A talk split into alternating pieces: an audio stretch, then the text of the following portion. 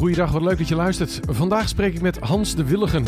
Deze geboren Rotterdammer startte zijn carrière als fiscaal jurist en werd na enkele jaren managing partner bij het toenmalige Ernst Young in Assen en Emmen.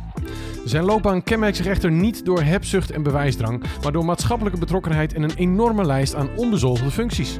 In 2014 werd hij zelfs officieel geridderd. Zou zijn karakter gevormd zijn door drie decennia als echte Sinterklaas? Want hij stelt bij zijn afscheid dat je Sinterklaas niet kunt spelen. Je moet hem zijn. Ik heb vandaag de eer een uur met hem te mogen praten. Welkom, Hans.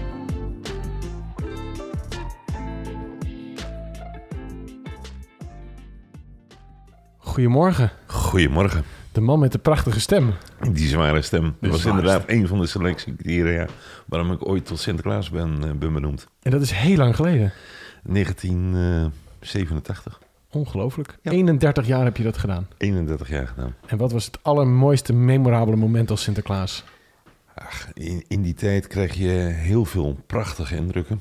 Ik kwam ooit bij een stichting De Bosk. Dat is een stichting voor eh, meervoudig gehandicapte kinderen. Er staat een jongetje bij de entree en dat jongetje is helemaal spastisch. Die hangt om die reden hangt hij in een looprek. En hij staat daar bij die entree, een grote grijns op het gezicht van ja, Sinterklaas en Zwarte Piet komen eh, binnen, dus dat wordt een feestje. En wij, gaan naar, naar binnen toe en ik eh, heb daar zo'n 35 tot 40 kinderen. Bij elk kind een persoonlijk verhaaltje. Op een gegeven moment is dat jongetje is aan, de- aan de beurt. Dus dan zie je die voetjes van hem over de grond flapperen. En dan geeft hij dat karretje van hem op het allerlaatste moment een, eh, een zwieper. En dan staat hij met de precisie van Michael Schumacher, dus een goede tijd, Ja. staat hij naast je. En dan zeg je tegen hem van, joh, wie is dat? En dan wijs je Zwarte Piet aan, die op dat moment naast je staat. En dan komt er een vinger en dan met heel veel spastische bewegingen drukt hij een knopje voor hem in. En dan brult een computer achter het kind, Zwarte Piet. Oh. En dan straalt hij van oor tot oor. Want hij kan laten zien dat hij dat jaar heeft geleerd om een spraakcomputer om te gaan. Ja. En dat stond in mijn boek. Ja, dat is prachtig. Dat geeft je energie voor jaren. Wat geweldig. Dat is, dat is wel een, een hele andere kant dan het vak waar je eigenlijk in geboren bent, hè? Eh, zeker. In, in die fiscale advieswereld heb je natuurlijk eh, te maken met een kei- en keiharde eh, wereld. Maar Maar, vooral ook de ratio kan ik me zo voorstellen. En, en dit is wel keihard allemaal emotie. maar bij dit soort eh, zaken, die kinderen die vinden Sinterklaas ook alleen maar leuk. Die hebben geen dubbele agenda's. Nee. Die, ja, het is gewoon feest. Wat heerlijk. Hey, even helemaal terug naar het begin, want je bent een geboren Rotterdammer. Ja, Ik hoor dat niet echt heel erg meer. Nee, maar ik woon ook al vanaf mijn eh, zesde in het noorden van het land. Ik ben ooit als klein jochie van zes naar het noorden van het land verhuisd. Friesland terechtgekomen. Mijn vader werd destijds overgeplaatst. Want die zat in het leger dan? Of, of? Nee, mijn vader eh, was eh, partner, althans later, bij eh, de club die thans EY heet. Oké, die zat ook al bij Ernst. En die zat ook bij ons, Jong, die was accountant. En, eh, ik was, ben daar later bij toeval terechtgekomen. En wat voor gezin kom je? Mijn ouders gewoon een normaal gezin. Mijn vader had HBS gedaan, in de accountancywereld gerold. En zijn studie, uh, NIVRA-studie voltooid. En heeft zich opgewerkt tot, tot, tot partner later bij de club eh, die thans EY heet. Is naar Friesland gegaan. En, heb daar, en daarom heb ik daar lagere school en middelbare school gedaan. Ben Had je nog broertjes en zusjes ook? Of? ik heb één zus en die is 14 jaar jonger. Die is 14 jaar jonger. Ja, mijn, ouders die durfden het kennelijk niet aan nadat ik geboren was. Of ze hadden heel erg genoeg aan jou. Dat is maar net hoe je dit bekijkt natuurlijk. Dat- ja, ja, ja. En je moeder die, die was thuis of werkte die ook nog? Mijn, mijn moeder die was eh, thuis gewoon. Dus een vrij traditioneel... eh, eh, heel traditioneel gezin. en hoe kijk je terug op die tijd? Was het een, want, want je vader was zelf veel aan het werk waarschijnlijk. Die was veel aan het, aan het werk. En ja, ik had met mijn vader niet een echt fantastische band. Nee. Dus, eh, Daardoor? eh, nee, niet die daardoor, maar die zat in elkaar zoals die in elkaar eh, zat. En ja, dat... eh, eh, we zaten niet altijd op dezelfde lijn, laat het, zo- laat- laat ik het zo maar met uitdrukken. grijns. Hey, en toen ging jij dus in Friesland studeren. Eh, ja, in eh, Friesland, lagere school, middelbare school, Stedelijk Gymnasium Leeuwarden heb ik op eh, Ja? gezeten. Eh, ik vond dat helemaal niets. Waarom niet? Eh, die oude talen. Joh, er wordt, er werd zoveel tijd aan besteed. In, Een Griekse eh, Latijn puur. aan, aan Grieks en, en Latijn. En daar besteed je in een tweede klas. Besteedde je daar 13 uur aan. eh, Van de 29 uur dat je les had. En dat vind ik wat, wat, Dat over, veel. Ja. wat, wat overdam. Dat is niet meer En- zo. Mijn schoonzusje geeft die talen nu nog. Maar zoveel uur krijgen ze niet meer, vrees. Nee, nou, en kijk, het geeft natuurlijk een, een prachtig stuk extra kennis. Eh, krijg je er eh, mee. Eh, geen enkel misverstand daarover. Mm, En dan weet je dat een telefoon, dat, dat komt van tele en fone. En tele is ver en fone is stem. Nou, prachtige informatie. Hartelijk gefeliciteerd ermee. Ik zie dat het Maar- je nog raakt. Je kunt daar de wereld niet mee veroveren. en als je dan ziet dat in de medische wereld bijvoorbeeld, dat daar nogal eens een keer wat misgaat op, eh, op financieel gebied. En dan denk je, goh, deze mensen hebben totaal geen nul van enige vorm van handelsrecht of enige vorm van economie of van boekhouden of wat dan ook. prioriteit in de opleiding. Ja, zorg er dan voor dat ook daar wat meer evenwicht eh, eh, bij komt. Wauw.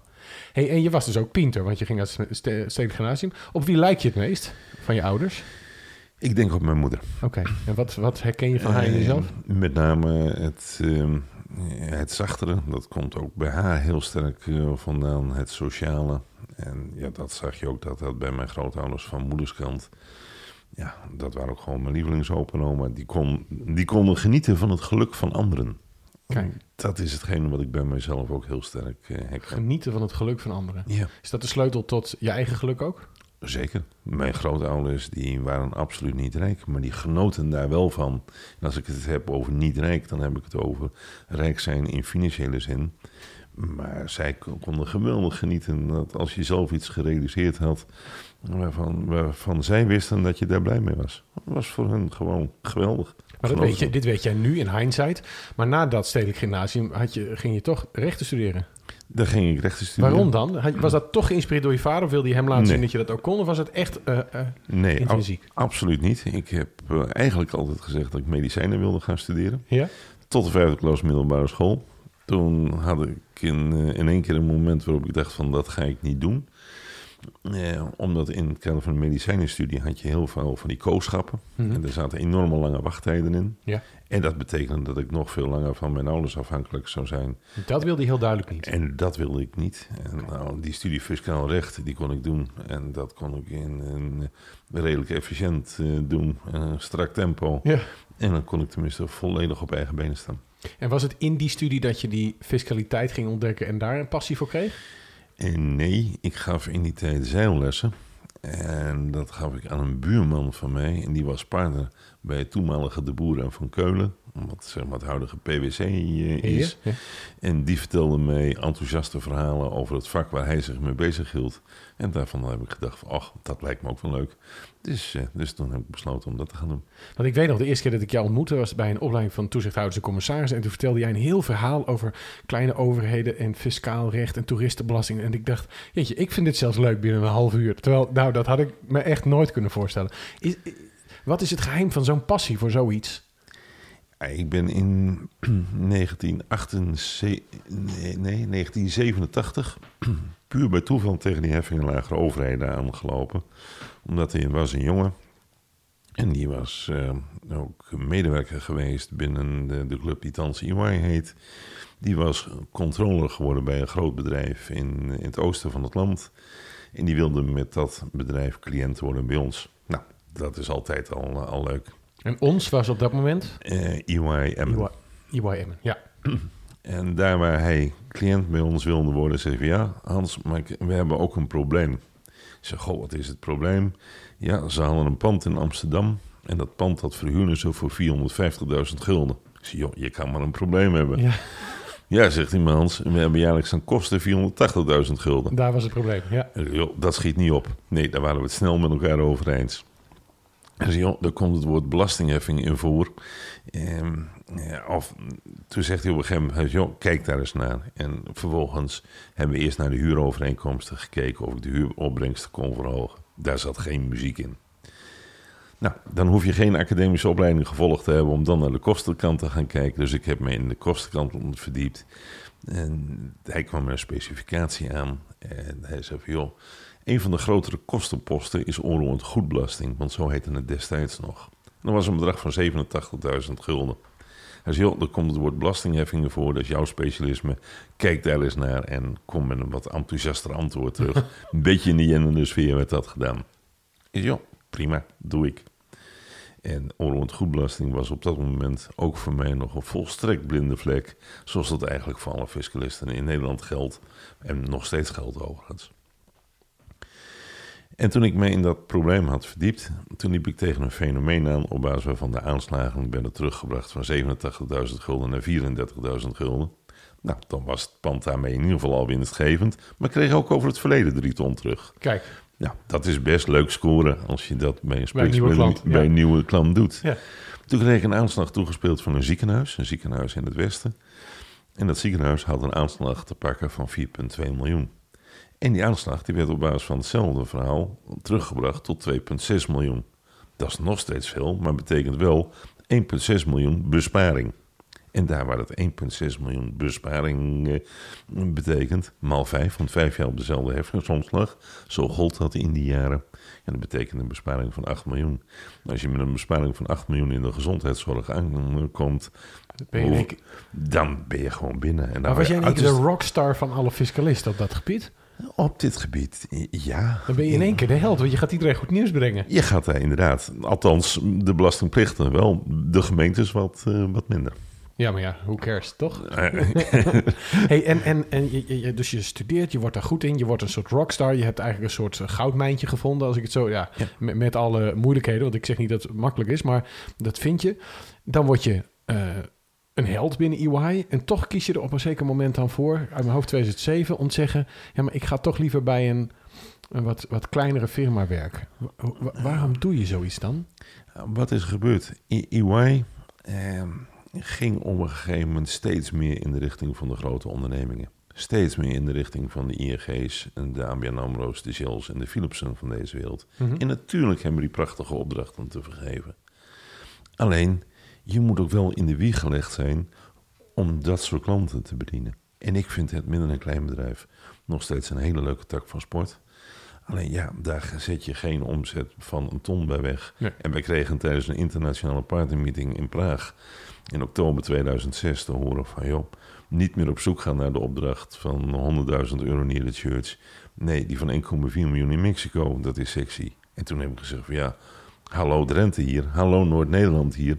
Zoveel opdrachten van die omvang zijn daar niet. Nee. En als ze er wel zijn, is het dan altijd wel weer een reden waarom ze dan vanuit het westen moesten worden bediend. En ja, dat, interessant. dat was voor mij niet interessant. Maar jij hebt ook een een passie voor familiebedrijven, herinner ik me. Wa- wa- waar zit hem dat in? Wat, wat, is dat die sociale kant? Dat is die sociale kant, maar ook dat je zeg maar, je helemaal in die positie van die ondernemer kan verplaatsen en kunt zeggen van joh, in jouw situatie zou ik dit en dit en dit doen. En je hebt ook dat alternatief en je hebt dat alternatief, maar dat alternatief zou ik om die reden niet kiezen. Dat andere alternatief zou ik om die reden niet kiezen. Als ik jouw schoenen aan zou hebben, zou ik dat en dat gaan doen. En ja, als je daar veel in mag betekenen voor ondernemingen, wordt dat vanzelf ook heel leuk. Want jij, jij bent fiscaal advocaat, jurist en je bent ook partner nu bij Rijn. Ja. Eh, maar je noemt jezelf altijd adviseur. Zo, zo sta je Ja. ook overal. Ja. Is dat eigenlijk hoe, eh, eh, wat je geboren bent, zeg maar? Ja, ik kruip graag in de huid van iemand anders en geef hem of haar dan aan wat ik zou doen als ik in zijn of haar schoenen zou staan. En waarom dan niet zelf een onderneming?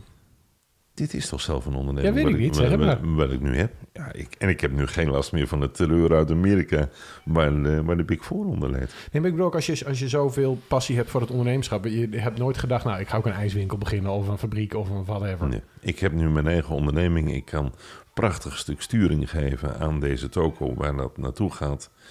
Wij groeien de laatste jaren ook enorm.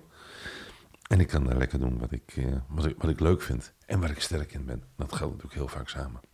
En, en eh, als je nu kijkt naar jonge rechtenstudenten die ambitieus zijn of die die fiscale kant op gaan, wat zou je ze dan adviseren als ze kijken naar hun, hun langetermijn carrière?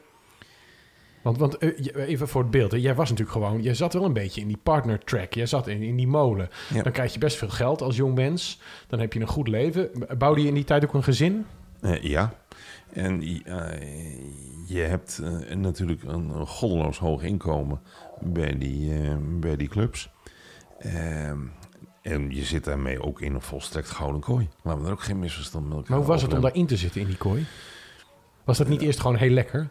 Het, natuurlijk is het lekker. Natuurlijk ben je er ook trots op dat je, dat je een dergelijke positie mag gaan bekleden. En een stuk ruimte daar kan geven. Alleen als je dingen moet gaan doen wat je niet leuk vindt, ja, dan gaat het op een gegeven moment vanzelf knellen. En waar zit dat kantelpunt?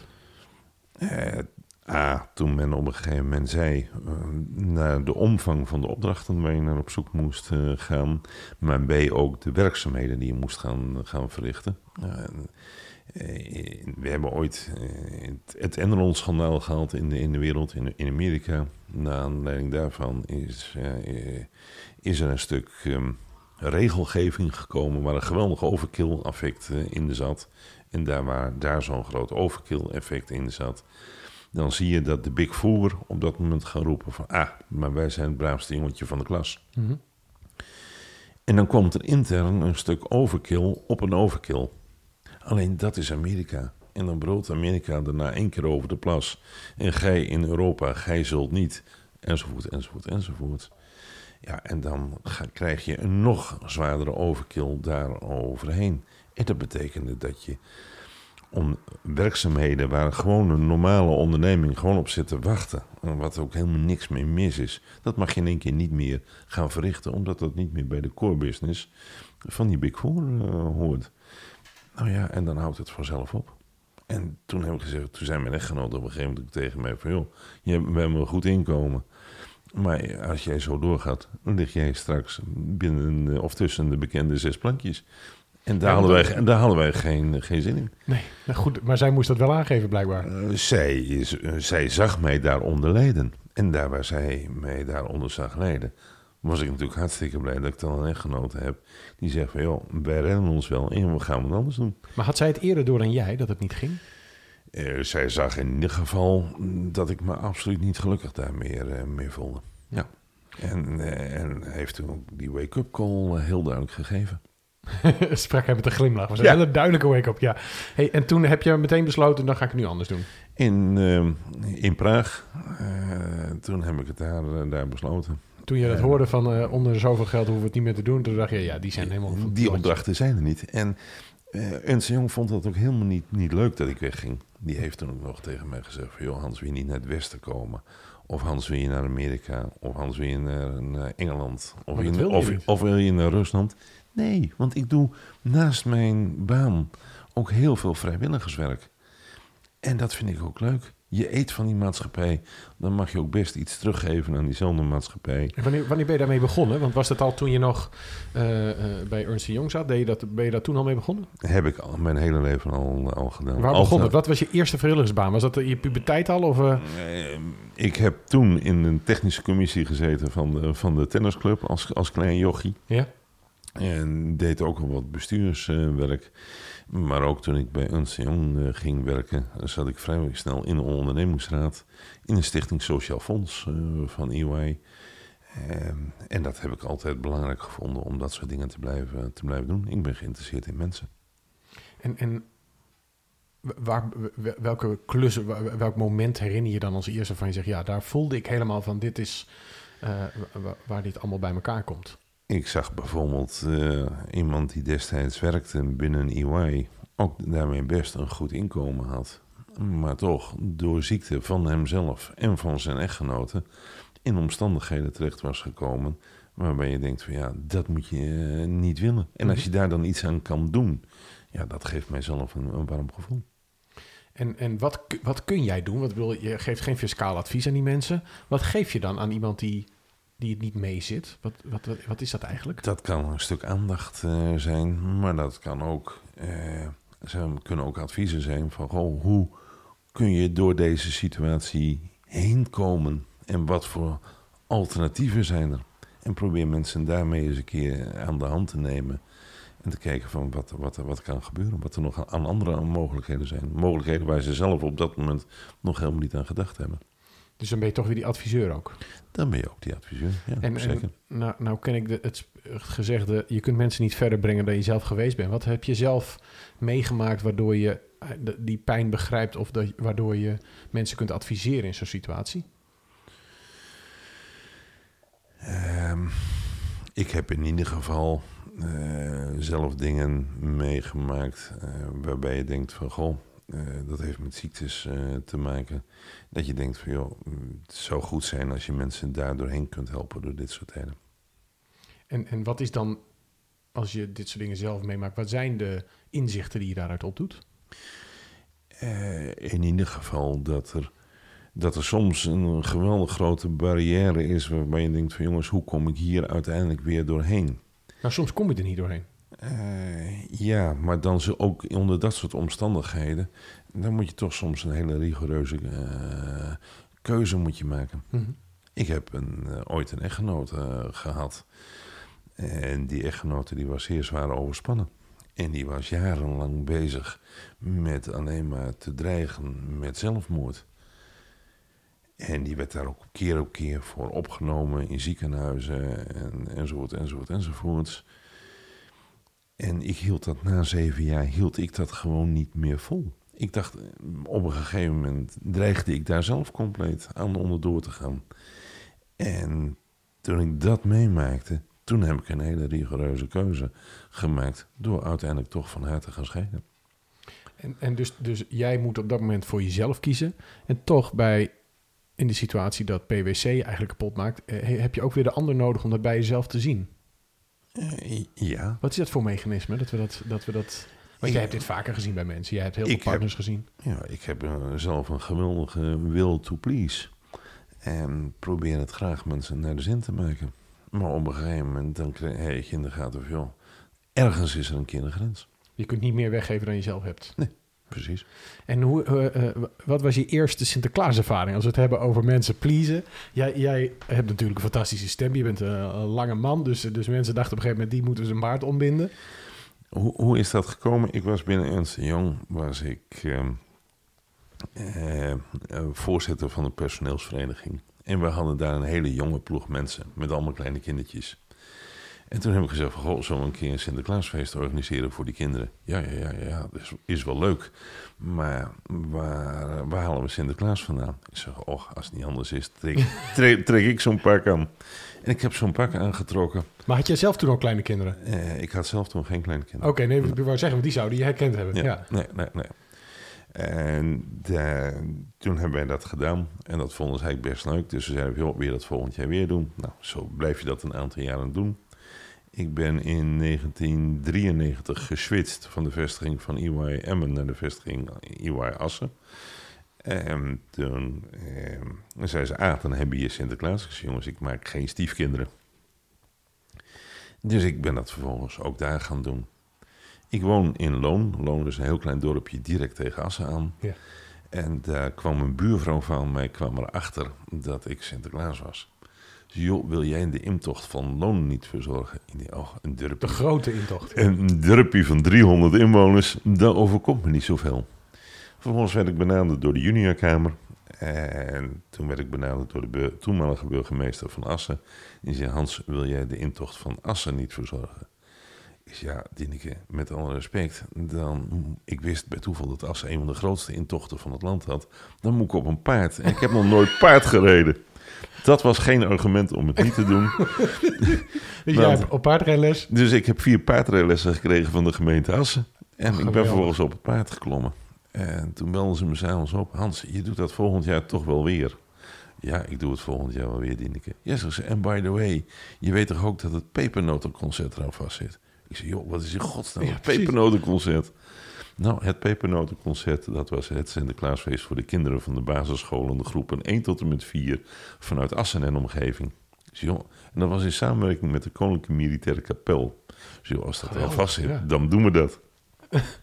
dus ik heb dat uh, gedaan. Alleen daar zat een interim dirigent op. En die interim dirigent, die was ook uh, dirigent van de Koninklijke Harmonie Sint-Jozef in Oldenzaal. En daar waar dat, eh, hij daar interim dirigent van was, eh, eh, had hij die mensen daar wijsgemaakt. Ze moesten een keer een pepernotenconcert gaan organiseren met de Sinterklaas en zijn hoofdpieten vanuit Assen.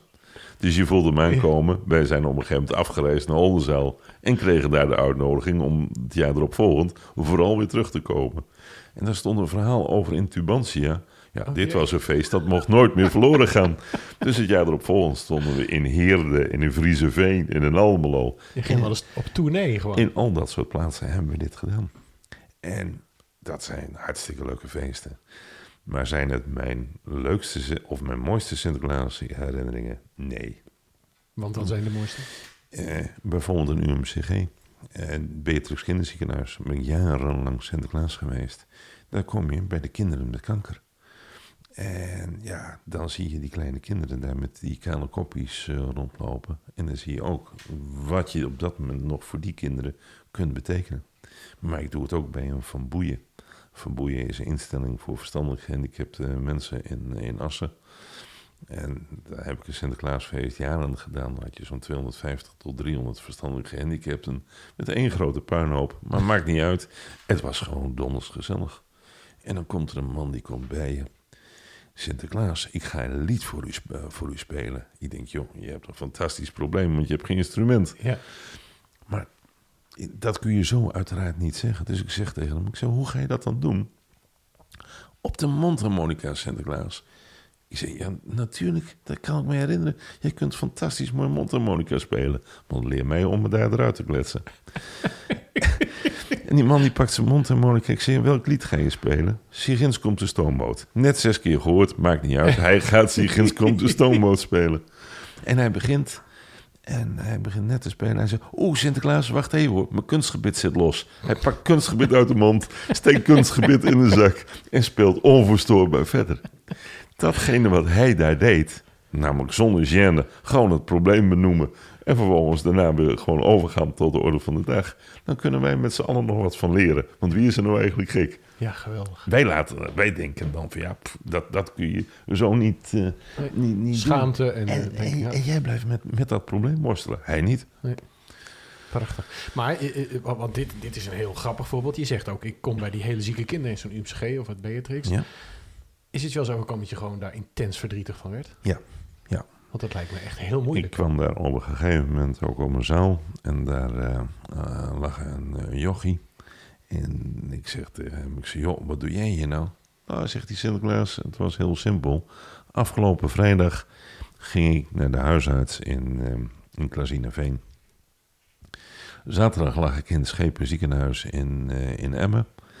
En eh, maandag lag ik hier in het Beatrix Kinderziekenhuis. En gisteren is er een tumor uit mijn hoofd gehaald. Dan krijg je echt een enorme knal voor je kop. Hmm. En dan kom je in de kamer daarna. En in die kamer daar ligt een, eh, een jongetje. En dat jongetje is 14 jaar. En dat doet ook aan motocrossen. En die had een shirt boven zijn bed had hij hangen met allemaal namen erop van bekende motocrossers. Het zei mij allemaal niks, want ik ben helemaal niet ingevoerd in die sport. Maar goed, dat is ook niet relevant. Ik zei, joh, eh, motocrossen is toch veel leuker dan hier in een eh, ziekenhuis gaan liggen. Ja, dat was zo. Maar de dag erop volgend zou hij aan een tumor in zijn hoofd geopereerd gaan worden.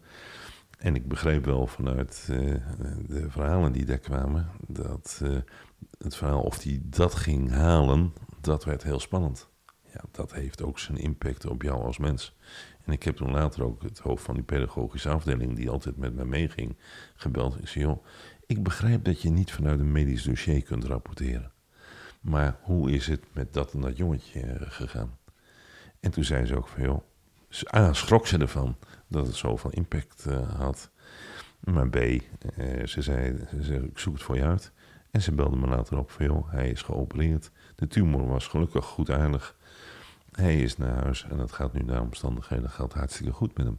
Ja, dan zeg je echt even van, hartstikke fijn. Je neemt Dankjewel. het dus wel mee. Dat neem je mee. En dat heb je natuurlijk heel veel gezien. Dat je, ik heb er ook bij- een meisje aan het bed gestaan. Het kind was vijf jaar. Het kind was uit het water gehaald. Lag al veertien dagen in coma. En ze wisten niet of ze nog uit die coma zou komen. En zo ja, hoe? Ja, als je daarbij staat en je maakt dat soort dingen allemaal mee... dan, dan nee, ga je dat op een gegeven moment ook meenemen naar huis. Maar je hebt zelf eh, kinderen, dan word je toch op een gegeven moment gek als je dit meemaakt. Eh, ja, dat, dat heeft ook zijn impact. En ik heb ook vaak gezegd van, goh, we kennen met z'n allen nu die hele Zwarte Pieten discussie, enzovoort, enzovoort, enzovoort. Maar de mensen realiseren zich absoluut niet wat je allemaal meemaakt als je Sinterklaas bent. Want dan maak je ook dit soort echt hele heftige en hele ingrijpende dingen mee. Dus ik heb daar fantastisch mooie herinneringen aan, maar ook hele verdrietige.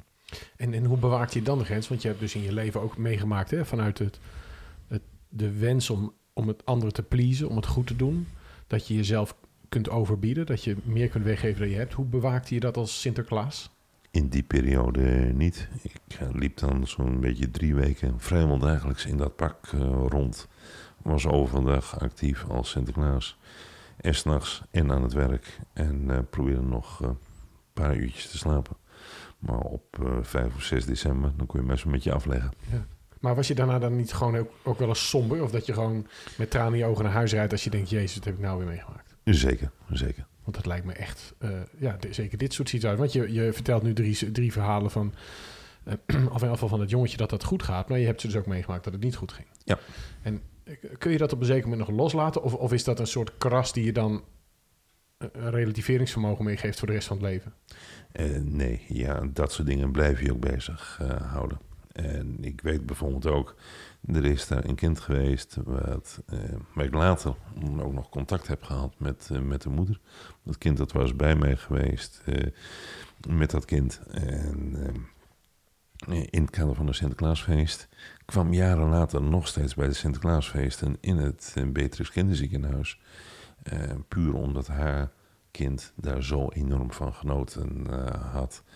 En ze zei van jongens, dit moeten jullie vooral blijven doorzetten. Want die kinderen mogen er op dat moment even van genieten. Die hoeven even niet aan hun ziekte te denken. Eigenlijk hetzelfde als de kliniekclowns doen. Eh, zeker, ja. zeker. Maar dan op een andere manier. Ja. Hey, en jij hebt in een interview ooit gezegd... Uh, Sinterklaas kun je niet spelen, dat moet je zijn. Ja. Wat is Sinterklaas? Leen ons eens even mee. Ja, je, je trekt zo'n pak trek je aan. En ik had een pak wat een complete kopie was van het pak van Bram van de Vlucht. Ja. Wat natuurlijk de grote ja, ja. Sinterklaas van Nederland uh, was. Die het in mijn optiek altijd fantastisch heeft gedaan. Ook omdat hij zich altijd heeft gerealiseerd... Sinterklaas is een hele oude man... die daar ook op een hele waardige manier mee omgaat. En die loopt daar niet... Hip, te, te, hip te doen en te schreeuwen en te dansen en te hossen en dat soort zaken. Dat past niet bij de leeftijd van iemand. Nee. Want wat is de leeftijd Sinterklaas? Uh, heel, heel, heel, heel oud. dat is een heel groot bewa ge bewaard geheim. Oké. Okay. Maar ja, het is... Je trekt zo'n pakken. Wat, hielp iemand jou met de griem of deed het allemaal zelf? Nee, nee, nee, nee. Dat werd allemaal voor mij uh, gedaan. De voorzitter van de Stichting Sinterklaas in Tocht in, in Assen. Want dat is een hele echte groep. Die heeft een uh, echtgenoot en die heeft mij jarenlang uh, gesminkt. En het smink... Je zit zo een paar uur stil, toch? Voordat je, het allemaal goed zit. je bent ongeveer een uur bezig met het, het, het, aantrekken van het pak... en het opplakken van die wenkbrauwen en die baard enzovoort, enzovoort, enzovoort. En, en, en, hoe verandert, want, want jij bent Hans de Wilge. Wat is het verschil tussen Hans en Sinterklaas? Uh, ja, wat, wat is het verschil? Kijk, die zware stem die heb ik. Ja. En dat heb je natuurlijk ook voor als je die Sinterklaas uh, bent. Nou, qua postuur uh, gooi ik ook wat gewicht in, in, ja. in de strijd. En ik heb natuurlijk, ja, ik ben 1,91 meter. Dus ja, je lengte heb je ook al, al mee.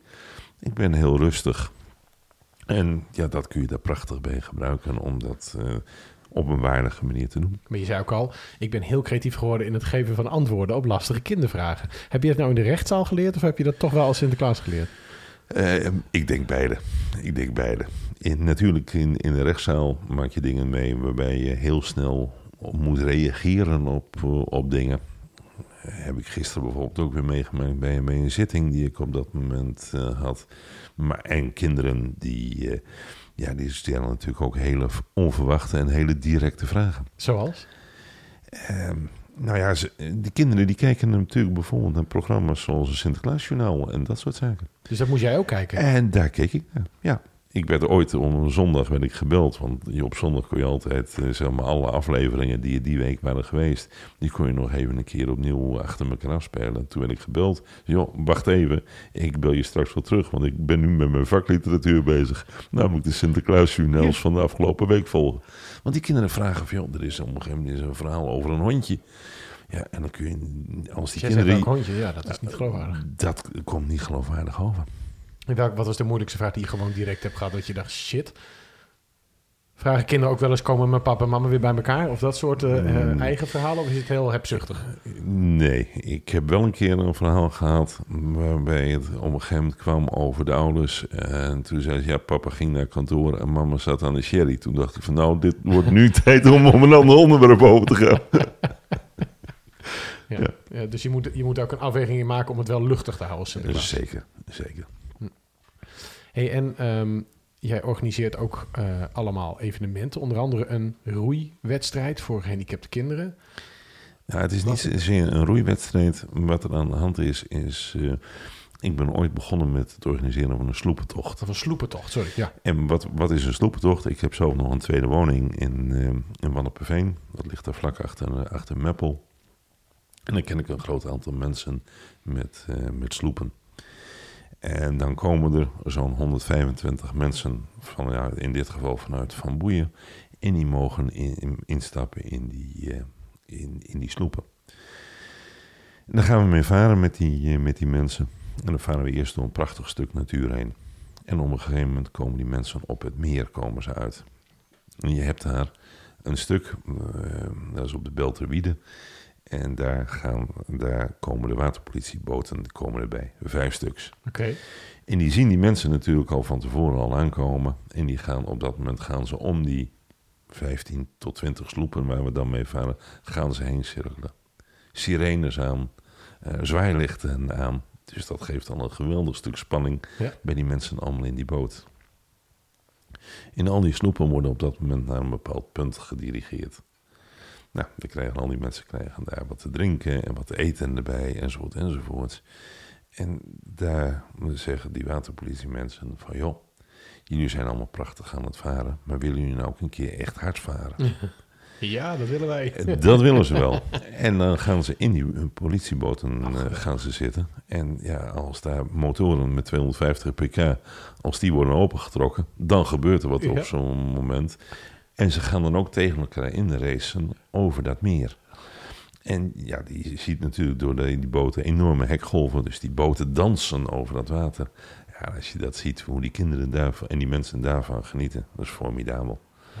Drie jaar geleden zat daar een jongen, die zat in een rolstoel, zat hij daarbij. Die was ook mee geweest, ook met zijn rolstoel in de boot. En die, ik zag dat hij dat wel mooi vond wat er gebeurde met die politieboten. Ik zeg, hoe vind je dat? Ja, mooi. Maar ja, hij zat in zijn rolstoel. Ik zeg, joh, zou jij dat ook willen? Ja, hij zou dat ook wel willen. Ik zeg, joh, kan ik jou uit de rolstoel tillen? Ja, dat kon wel. Ik denk van, nou, die jongen, die, dat is bij wijze van spreken twee veertjes. Die pak ik zo op en die zet ik in, in die politieboot. Dus ik naar de politieagent. Ik zeg, joh, ze zo, hij wil eigenlijk ook even. Hans, gaan we regelen. Dus ik heb die jongen in die boot ge, Getild. eh, getild. En die jongen die heeft, en je zag op een gegeven moment, hij kwam weer terug. Hij had ervan genoten. Hem weer uit die bo- politieboot getild, in zijn rolstoel gezet. Ik zei, joh, hoe was dat? Vet cool, man. Vet cool. Ja. Ja, en dan zie je het geluk van, eh, van die jongen zie je op dat moment. Ik zeg, maar zou je dat nog een keer willen? Ja, mag dat dan?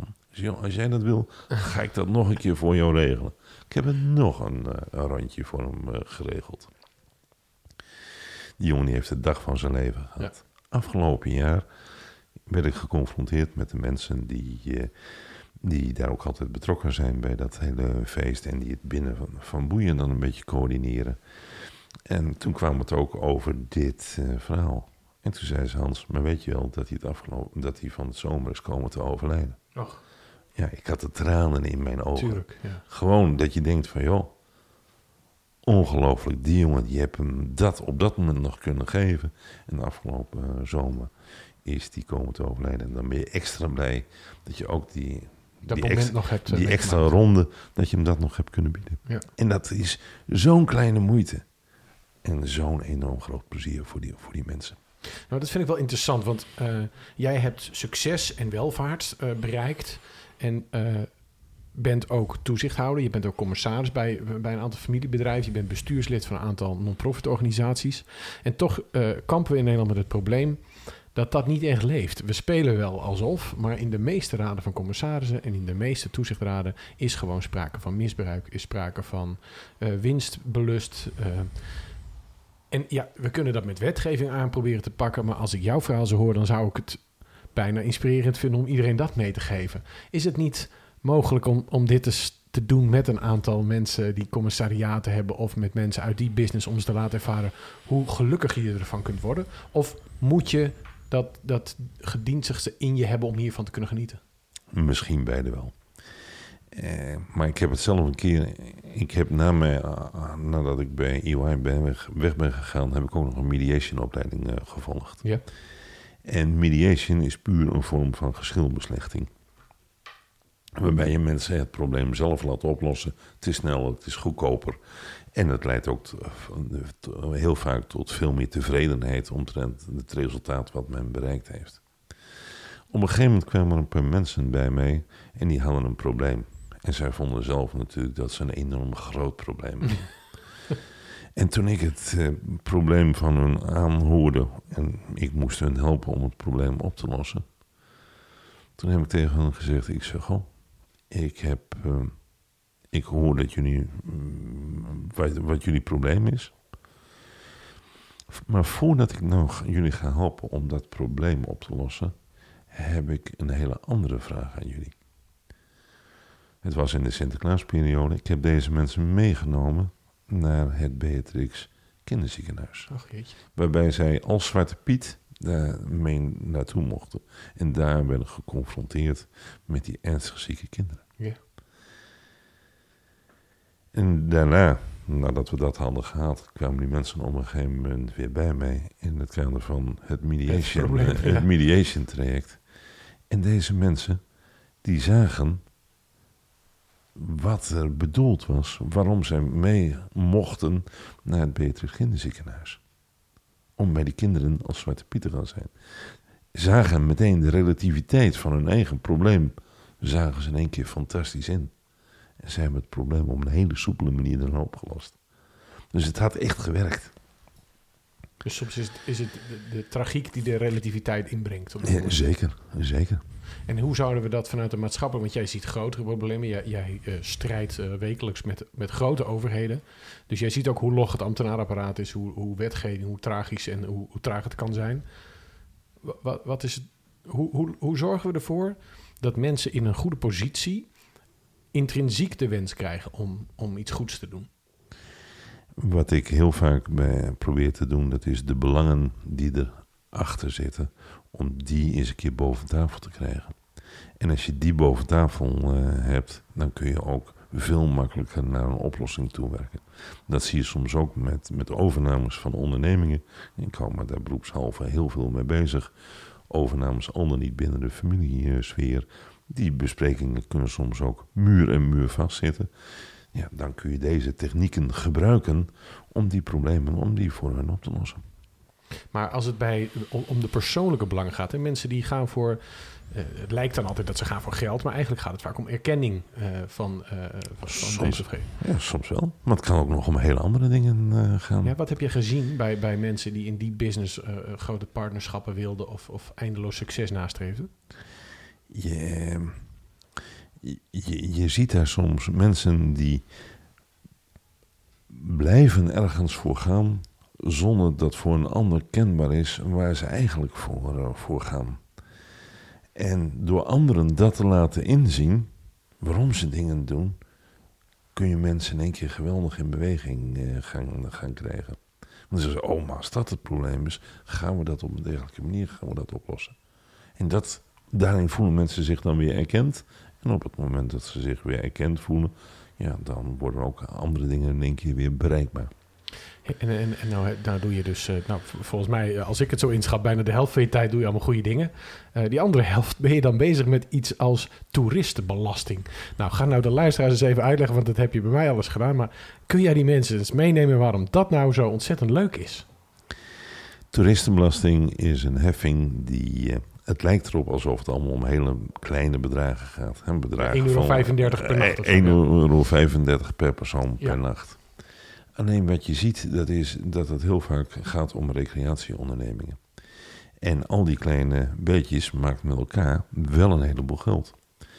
En dit soort heffingen zijn gebaseerd op verordeningen.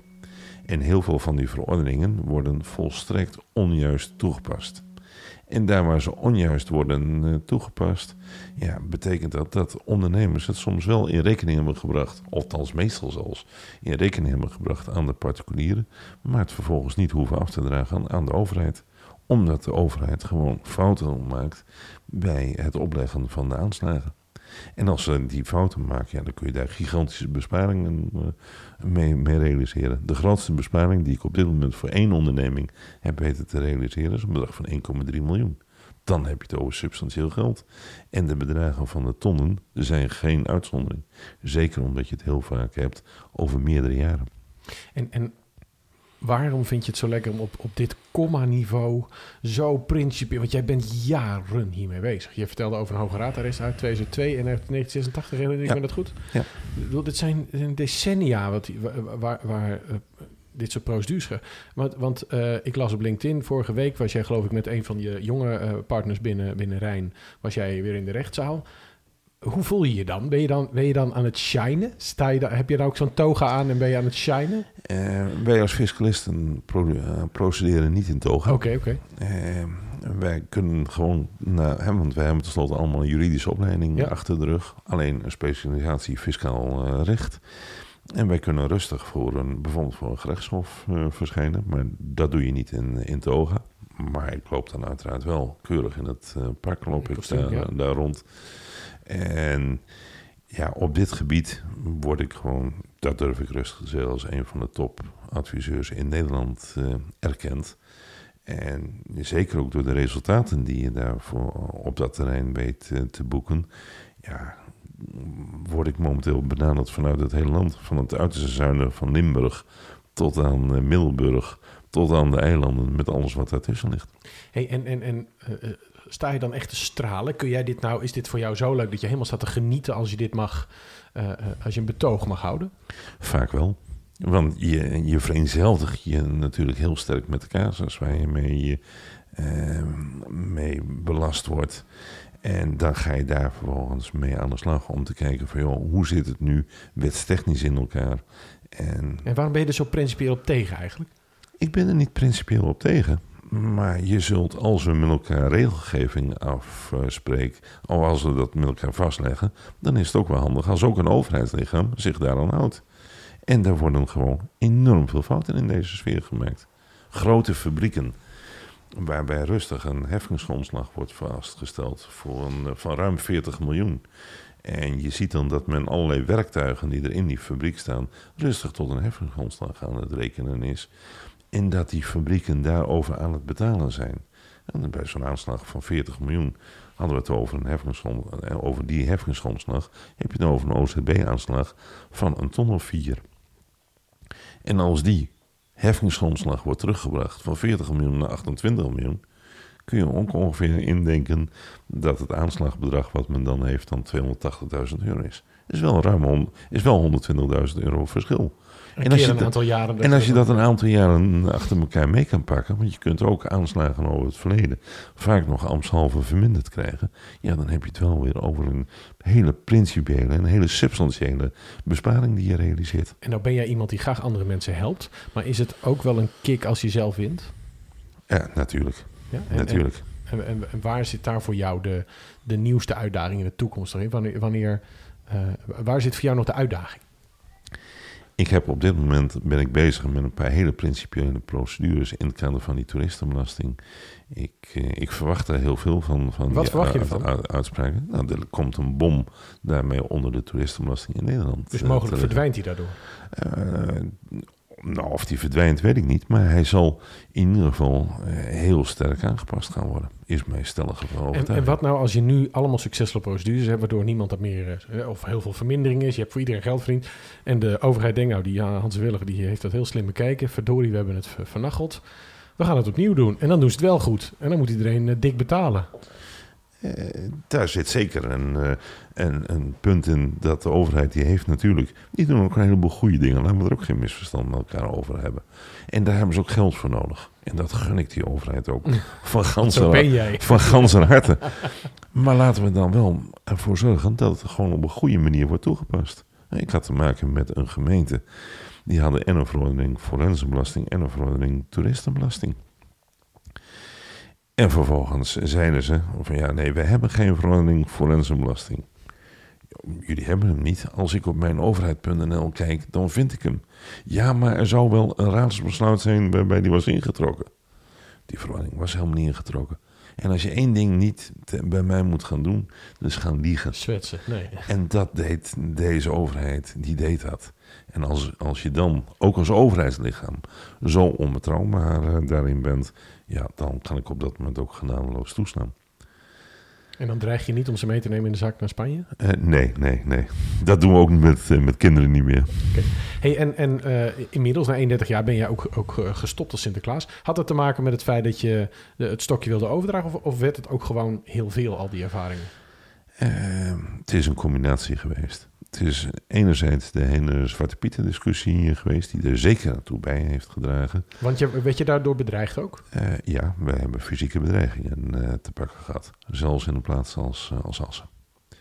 En daar wordt het allemaal niet vrolijker van. Het betekent ook dat op het moment dat je dan op het paard zit, dat je ook aan het scannen bent wat er om je heen gebeurt. Dus je bent niet meer aan het genieten? En als je aan het scannen bent wat er om je heen gebeurt, kun je er ook niet meer voor die kinderen zijn. Nee. En je doet het hele verhaal voor die kinderen. Maar als je, je, je bent al 30 jaar, ben jij oprecht betrokken. Ik bedoel, dat kunnen we ook wel zien aan het feit dat je dus niet alleen de intocht deed, maar allerlei andere momenten, heel moeilijke momenten, om iets voor die kinderen te creëren. Eigenlijk een droomwereld waar ze even onbezorgd konden genieten. En dan gaat iemand tegen je zeggen dat je gewoon een, een, een, een racist bent. Of ja. iemand die het kolonieel verleden verheerlijkt.